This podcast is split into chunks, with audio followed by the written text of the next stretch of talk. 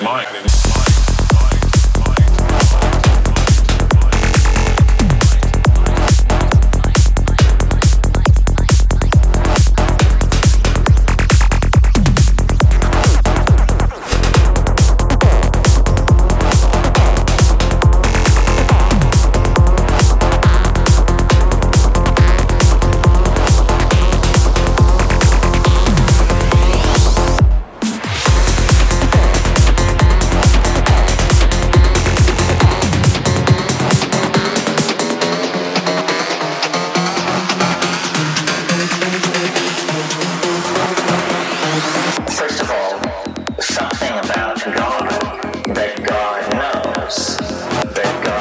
Exists in a superior state of intellection. Plato said time is the moving image of eternity.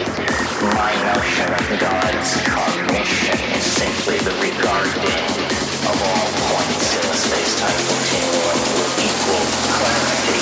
God knows, which is human thought.